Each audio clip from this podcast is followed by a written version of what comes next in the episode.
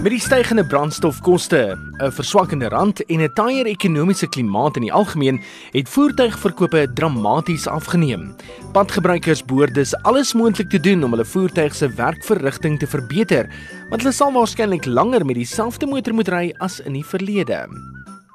Hier is 'n paar maklike wenke om te verseker dat jy nie net optimale voertuigprestasie kry nie, maar op die lange duur ook minder sal moet opdok. Kombineer jou ritte.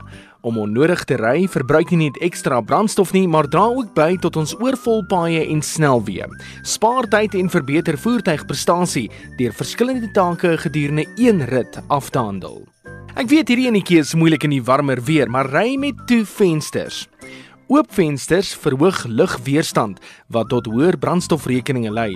Hou jou vensters toe en jou lugreëlaar aangeskakel indien werklik nodig om die aerodinamika van jou motor te verbeter en brandstof te spaar. Indien dit geïnstalleer is op jou motor, gebruik stop-aanse tegnologie. Stop-aanse tegnologie is ontwerp om jou voertuig op langtermyn beter te laat presteer. Baie nuwer voertuie word met hierdie omgewingsvriendelike brandstofbesparende stop-aanse stelsel vervaardig. Mense met ouer voertuie kan hul voertuig afskakel wanneer hulle vir iemand wag en kan hul enjin spaar deur na neutraal oor te skakel wanneer hulle by 'n verkeerslig wag. Die volgende wenk is 'n voor die hand liggende een, maar een wat deur soveel mense oorsien word. Sorg dat jou banddruk korrek is. Lees jou motor se handleiding om uit te vind wat die korrekte banddruk is en ook wanneer dit verlaag of verhoog moet word na gelang van die motor se vrag op die padoppervlakte. Jy behoort jou banddruk minstens 2 maal per maand na te gaan en jou bande by 'n motordiensstasie te laat vervang wanneer nodig.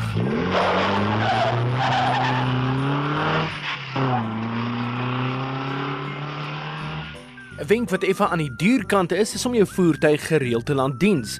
'n Motor wat goed in stand gehou is en wat gereeld vir die regte olie en koelstel vlakke, sowel as toebehore soos bande en ligte nagegaan word, sal beter en langer diens lewer en 'n goeie herverkoopprys ook verseker.